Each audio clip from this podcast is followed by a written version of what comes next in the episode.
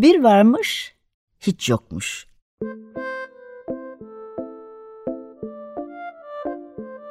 Çocuklara, büyüklere hikayeler, masallar ve müzikler.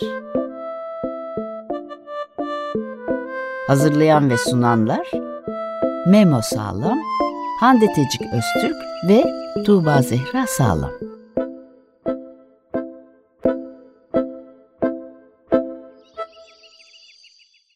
Mahallenin çocukları ceviz ağacına tırmanmaya bayılırlardı. Mehmet böyle giderse bu cevize son tırmanışımız olacak dedi. Niye diye sordu Ayşe. Farkında değil misiniz dedi Mehmet. Susuzluk, susuzluktan cevizin bütün dalları kurudu. Neredeyse çıt diye kırılıverecek. Gerçekten de bütün kış doğru dürüst yağmur yağmadı dedi Ayşe. Kedisi Sarman toprak bile çatladı diye miyavladı. Cevizi yaşatmalıyız diye bağırarak eve koştu Ayşe. Evlerden kovalarca su taşıyarak onu sulayabiliriz. Ama musluğu açınca çok büyük hayal kırıklığına uğradı. Sular kesikti ve musluktan yılan tıslamasına benzeyen bir ses geliyordu. Panik içinde annesine koştu. Su kesintisi başladı dedi Melta Hanım. Melhat Hanım. Artık su iki günde bir verilecek. O yüzden suyu çok dikkatli kullanmalıyız. Şimdiden su bitirmeye başladı. Su biriktirmeye başladım. Biliyorsun bu kış çok az yağmur yağdı. Yağmurla musluktan akan suyun ne ilgisi olabilir ki diye sordu Ayşe. Yağmur suyu mu içiyoruz biz? Şehrimizdeki su kaynakları pek yeterli değil diye cevap verdi annesi. O yüzden yağmur suyu göletlerde ve barajlarda toplanarak şehre veriliyor. Birkaç yıl üst üste yağmur yağmazsa yandık. Bizlerin de sulamaya çalıştığımız ceviz ağacından pek farkımız yok aslında. Ayşe şaşırmıştı. Peki bunun bir çözümü yok mu? diye sordu.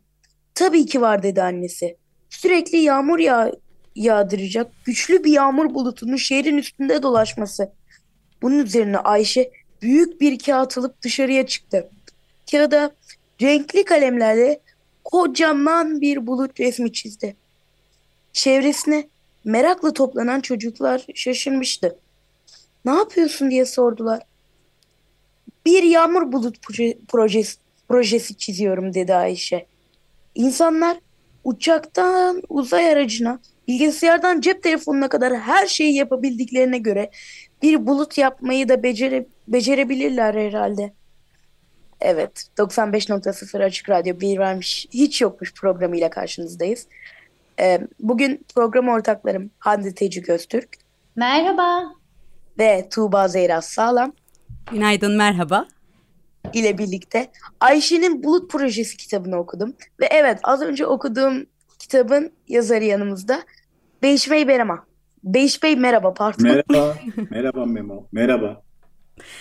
Evet hepimiz heyecanlıyız en az Memo kadar. Hoş geldiniz. Hoş bulduk. Evet e, şöyle bir kitabın üzerinden geçecek olursak ilk soruyu hemen Memo sormak ister misin? Aklında bir soru var mı? Ee... Evet.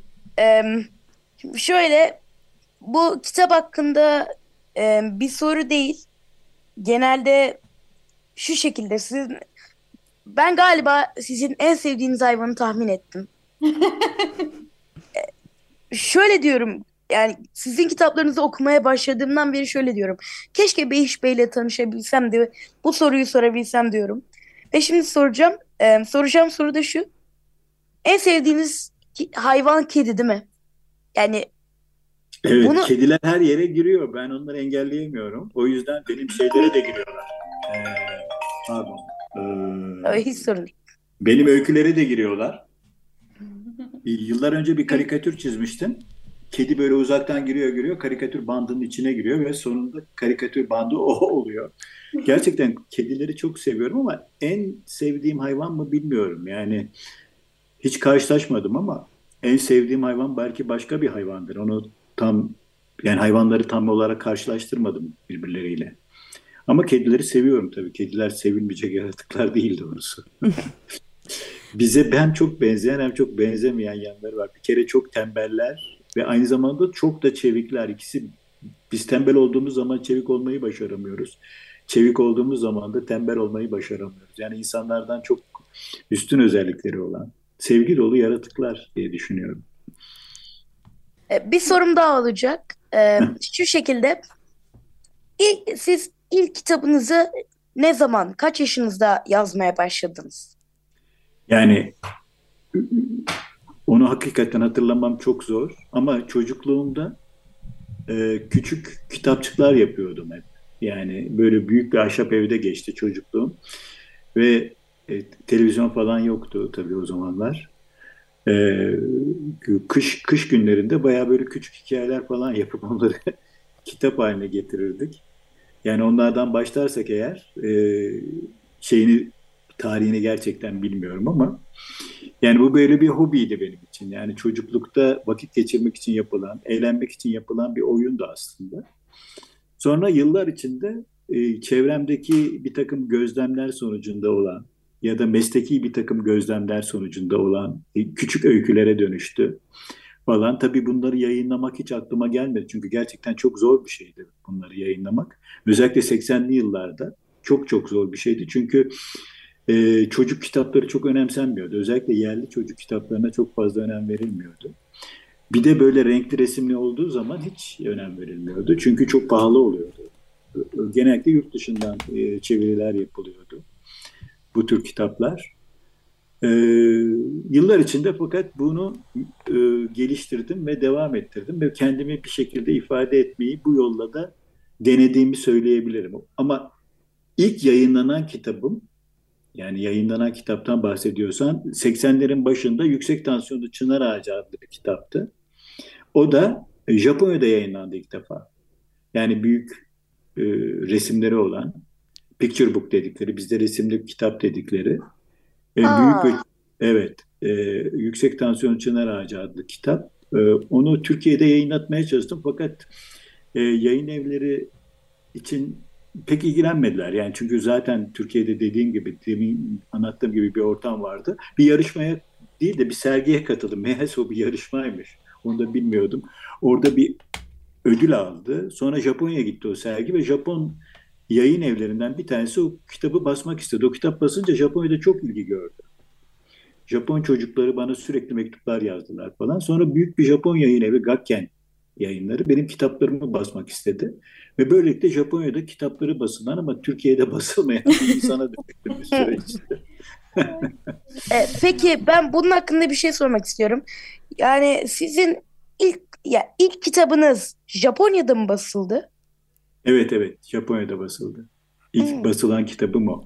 Japonya'da basılan e, e, kitap Yüksek Tansiyonlu Çınar Ağacı adlı kitap. Kagüşa yayınları tarafından. Çok sevdiğim ee, bir kitap ee, ki bundan yaklaşık birkaç program önce sizin kitaplarınızı konu alan böyle birkaç program yaptık. Ee, onlardan bir tanesi de yüksek tansiyonlu çınar ağacıydı. Ee, orada da yine bir kahraman Ayşe var.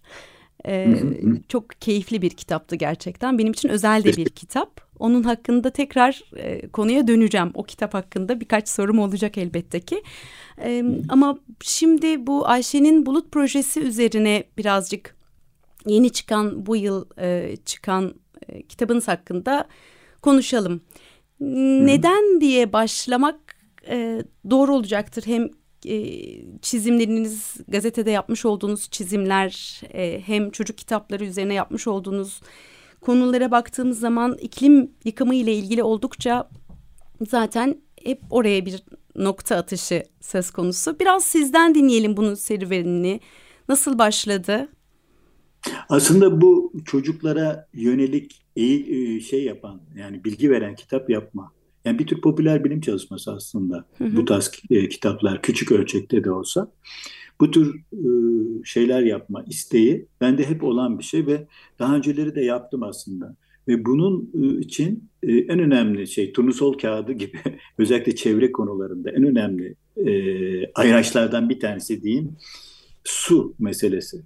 Hakikaten su o kadar önemli bir mesele ki çevredeki bütün değişiklikler ona yansıyor ve oradan da bize yansıyor ve bir şey biz çünkü sudan gelen canlıları, dünyanın yüzde yetmişi su falan. Yani böyle bir şey, e, bizim hayatımız için yani ve bütün canlıların hayatı için, bütün ekosistem için son derece önemli olan bir madde su. O yüzden suyu hep anlatmak, suyu hep öğrenmek, suyu hep öğrenmeye çalışmak istedim.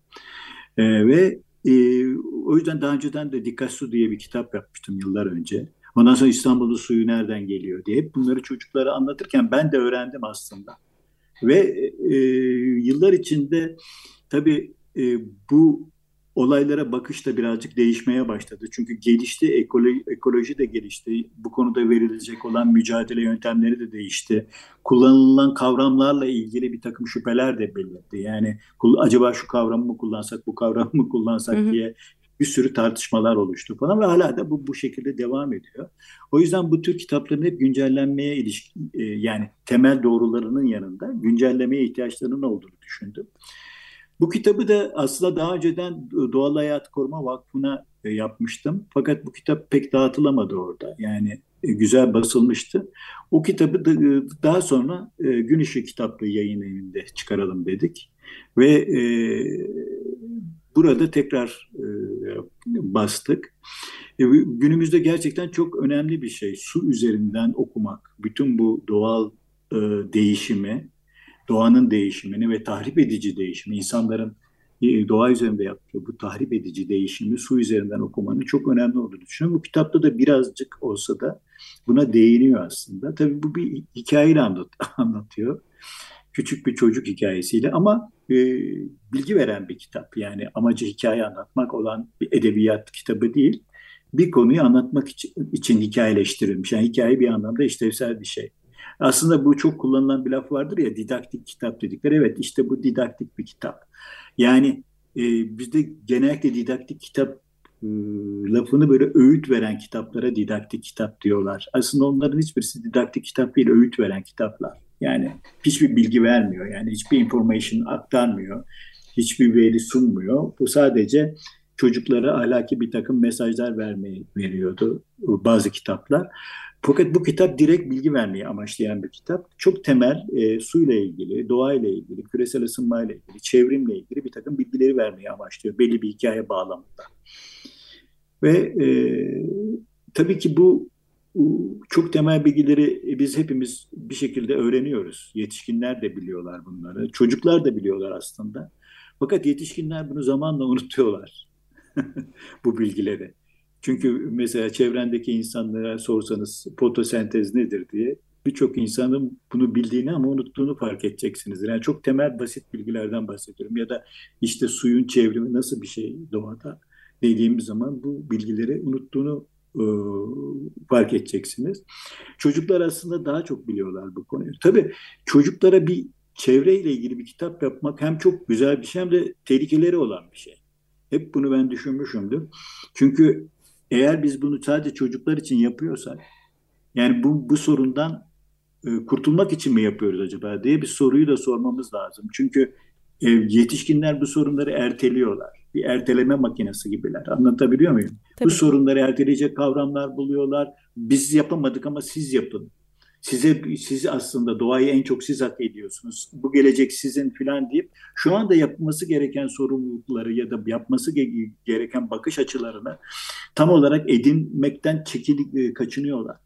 O yüzden ben bu kitapların büyükler ve çocukların birlikte e, okuyanarak tüketilmesi gerektiğini düşünüyorum. Sadece çocukların okuyarak tüketim, tüketmesi gerektiğini değil, büyük ve çocuğun birlikte okumasını e, tahayyül ediyorum. Hep onu hedefliyorum. Anlatabiliyor muyum? Kuşkusuz. Bu yüzden e, şey yani e, düşünsenize sadece çocuklar için bu kitapları yaparsak eğer yani hani bir laf var ya biz çocuklardan ödünç aldık dünyayı falan gibi. Çok sevmiyorum bu lafı. Ben aslında bayağı çaldık yani. Bir hırsızlık var. Ödünç almak falan söz konusu değil. Ee, filan. Yani buradaki çocuklara sanki bu çocukların sorunuymuş gibi göstererek bizim yapmamız gereken bir takım sorumlulukları ertelemeye moduna geçebiliriz ki genellikle de böyle oluyor. Yani ve o çocuklar da büyüdükleri zaman çocuklarına aktaracaklar ve onlar da yetişkin hale geldiklerinde gene aynı şekilde devam edebilirler kuşkusunu da içimde taşımıyor değilim doğrusu. O yüzden gerçekten bugüne ait bir şeyleri yetişkinler ve çocuklar birlikte yapmak zorundalar. Yani bu kitapların işlevi de birazcık öyle yani büyük ve e, yetişkin ve çocuğu bir e, ekolojik problem etrafında birleştirmek. Kitabın da amacı biraz o. Kitap bunu çok güzel yansıtıyor. Bir kere e, su üzerinden gidiyor olmak bilimsel bir e, dil evet didaktik dediniz ama bu didaktik dil e, bir hikayeye dönüştüğü için e, bir kere o hikayenin içerisine giriyoruz ve aslında birçok şeyi öğreniyoruz su hakkında. Bununla birlikte söylediğiniz şey e, evet biz çocuklardan bir şey emanet almadık. Yani çaldık noktasına size katılıyorum ama bu gelecek olan kuşak, gelen kuşak e, Z kuşağı ve ondan sonraki gelecek kuşağın biraz daha bu konuda bilinçli olduğunu zaten Greta ile beraber gördük diye düşünüyorum. Umarım bu daha da ilerler ve bununla birlikte tabii ki eyleme geçmek e, Ayşe'nin yaptığı gibi ve kitabınızda söylenen şey çok güzel. Bulut'un söylediği şey çok güzel. Sadece ona sahip çıkmak, var olanı daha fazlasını değil, e, var evet. olana sahip çıkmak gerektiğini söylüyorsunuz. E, umarım bu noktada da e, başarılı olur diye ümit ediyorum. Tek temennim bu. Hande. Kesin. Bir şeyler, evet ben de bir şeyler eklemek isterim. Ee, yani aslında sorumu da bu bağlamda sormuş olayım. E, kitaplarınız gerçekten çok ekolojik. Okurlarda çevre ve canlı bilincini hep açık tutuyor, bizi düşündürüyor ve tartışma ortamı yaratıyor. E, bu kitaba dair bunu okuduğumda aslında e, hem baskıya dair bir şey söylemek istiyorum. Bendeki kitap Gün Işığı kitaplığı, kitaplarınızın çoğu öyle. Bu ve yani Ayşe'nin Bulut Projesi kitabınız ve Yüksek Tansiyonlu Çınar Ağacı kitabınız ikisi de şey baskı ölçüt, ölçüt açısından, kitap ölçütü açısından diğerlerinden çok büyük. Resimlerinizi böyle daha büyük basılmış kitaplarda görmek ve hikayelerinizi okumak bana çok keyif veriyor. Bu tabii biraz maliyet e, sanırım. E, fakat e, bir okur olarak böyle resimlerinizin geniş geniş, yayıla yayıla anlatımına hayran oluyorum. Bunu söylemek istedim. Bir de siz dediniz ki şeye Ayşe'nin Bulut Projesi kitabına popüler bilim çalışması dediniz. Ben bu kitabı okuduğumda şöyle bir kavram çağrıştı bende. Dedim ki bu bir belgesel kitap. Sonra evet, böyle evet. Şey... Dediğiniz doğru. Sonra dedim ki böyle bir şey var mı? Evet var. Bu onun örneği. Çünkü belgeselde bir seyir seyir keyfi vardır ya. E, ben resimlerinizi evet. seyrediyorum. Çünkü hepsi canlanıyor. E, artı bir de belge niteliğinde. Çünkü gerçek sorunları anlatıyorsunuz. Metin öyle. Ve bir çocuk hikayesi. İşte dedim budur. Bu bir belgesel kitap örneği. Evet. Ee, sorum aslında şöyle olacak Beyiç Bey. Ee, evet çocukluğunuzu soracağım ama e, aslında Minik Bulut bize kitapta her şeyi anlatıyor. Sizin de gözünüzden anlatıyor. Biz Behiç Bey'i her karakterde tabii ki görüyoruz ve tanıyoruz yazar olarak, çizer olarak.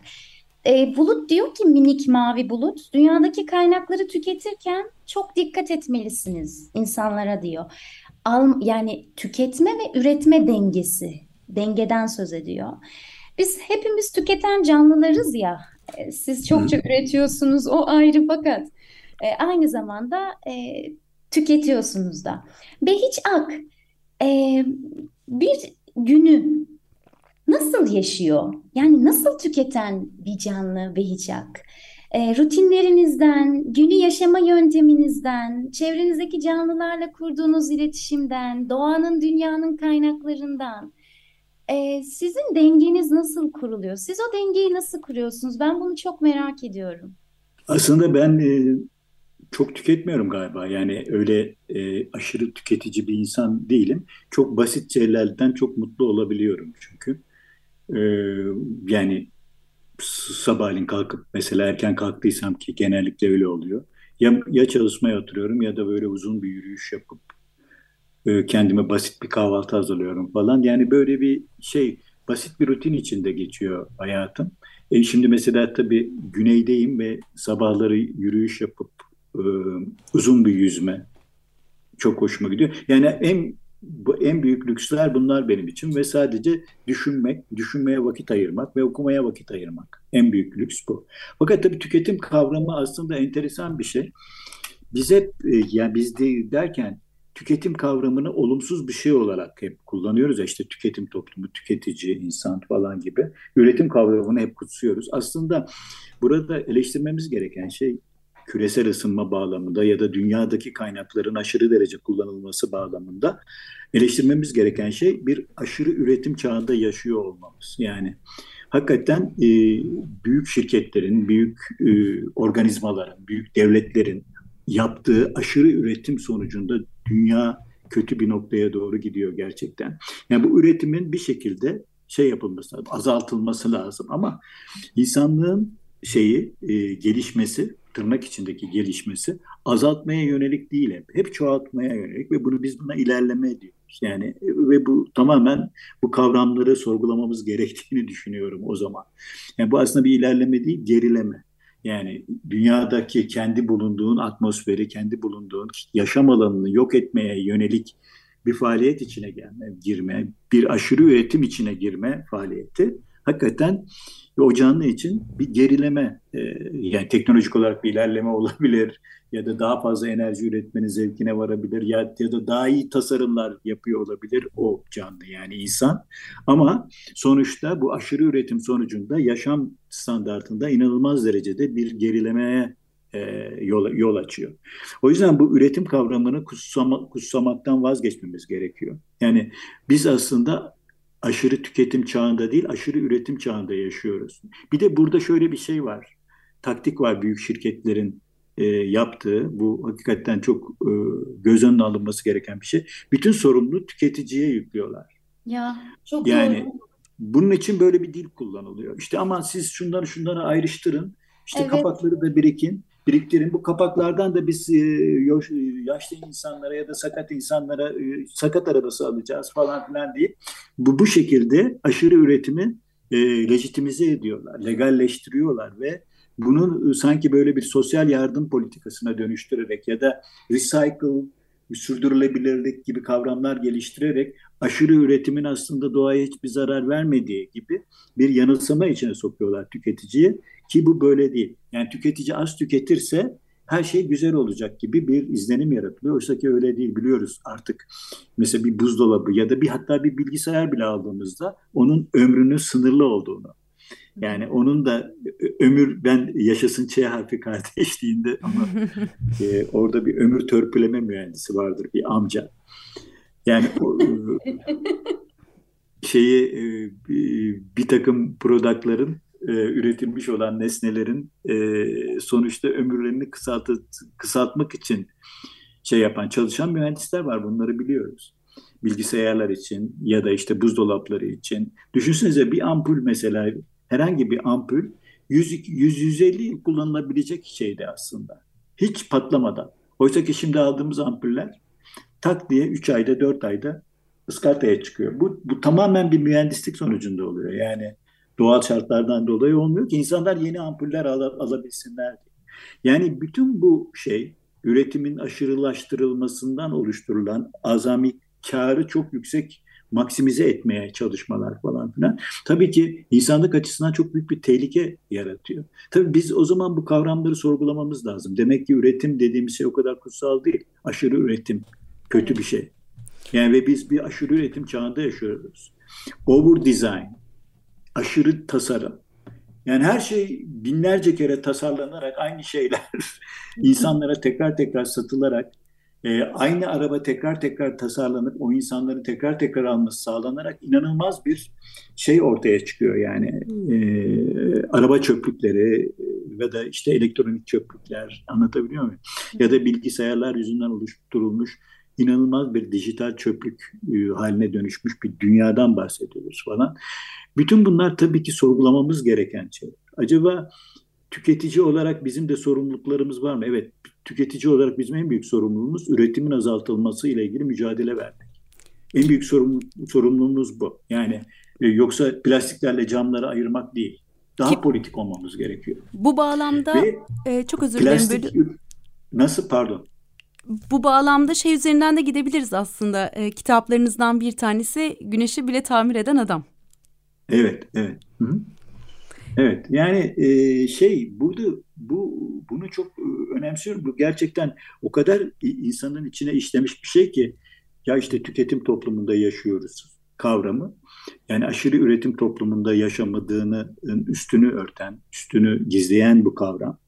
Aslında e, hep insanların, tüketicilerin bir şeyleri doğru yaparlarsa bu iş doğru gidecek şeklindeki oluşturulan izlenimin yanlışlığı üzerine, yanlışlığını çok iyi vurgulamamız gerekiyor. Gerçekten e, yeni bir şeylere ihtiyaçlarımız yok aslında. Çok az şeyle idare edebiliriz ama idare etmemize imkan tanımıyorlar. Yani o kadar müthiş bir üretim saldırısı var ki, üretilmiş bir meta saldırısı var ki tamamen ekonomi dediğimiz şey aşırı üretim üzerine kurulu. Ve biz bu şeyleri, üretilen e, mamulleri recycle olduğunu düşünerek yani tekrar geri dönüştürülerek e, şey olduğu için e, tekrar üretime katıldığı için bunların aslında çok da önemli olmadığını düşünüyoruz ama burada atladığımız çok önemli bir şey var. Enerji recycle edilemiyor. Yani enerji dediğimiz şey e, recycle edilemiyor. Yani e, eğer biz geri dönüşümü e, çok arttırırsak ki arttırılmıştır bugün dünyada o kadar çok fazla miktarda geri dönüşüm fabrikaları var ki o geri dönüşüm fabrikaları yüzünden de gene onlar da bir, bir şekilde enerji talep ediyorlar. O fabrikaları çalıştırmak için ve insanların bitmek tükenmek bilmeyen bir enerji ihtiyacı var. Hep hep daha fazla enerji, hep daha fazla enerji üretimine ihtiyaç var. Ve bu tabii ki küresel ısınma dediğimiz bugünkü felaketin en büyük nedenlerinden biri aşırı derecede enerji ihtiyacının olması ve aşırı enerji üretiminin olması. Öyle değil mi? Yani bu tabii ki çok büyük bir problem. Yani biz acaba daha az e, enerjiyle enerji üretimini azaltarak nasıl yaşayabiliriz? Daha çevre dostu enerjilerle, daha az enerji şey yaparak, daha az tasarım yaparak nasıl yaşayabiliriz? Daha az mal üreterek nasıl yaşayabiliriz? Bugün sormamız gereken soruların e, e, sorular aslında bunlar. Yani nasıl küçülebiliriz? Nasıl büyüyebiliriz değil de nasıl küçülebiliriz? Yani bu küçülebilme konusundaki şey, e, yaklaşımımızın önemli olduğunu düşünüyorum. Hem nüfus olarak hem daha az nasıl üreyebiliriz, daha az nasıl üretebiliriz. Yani e, endüstriyel anlamda. Bütün bunları hakikaten tartışmaya açmamız gerekiyor. Bu tür kitapların da doğanın temel yasalarını öğrenmek açısından çok önemli olduğunu düşünüyorum. Yani e, basit popüler bilim kitaplarının da çok önemli olduğunu düşünüyorum. Evet. Programımızın sonuna geldik. Beyiç Bey ile yaptığımız söyleşiye haftaya devam etmek üzere bu haftalık veda ediyoruz. Hoşçakalın. Hoşçakalın. Görüşürüz.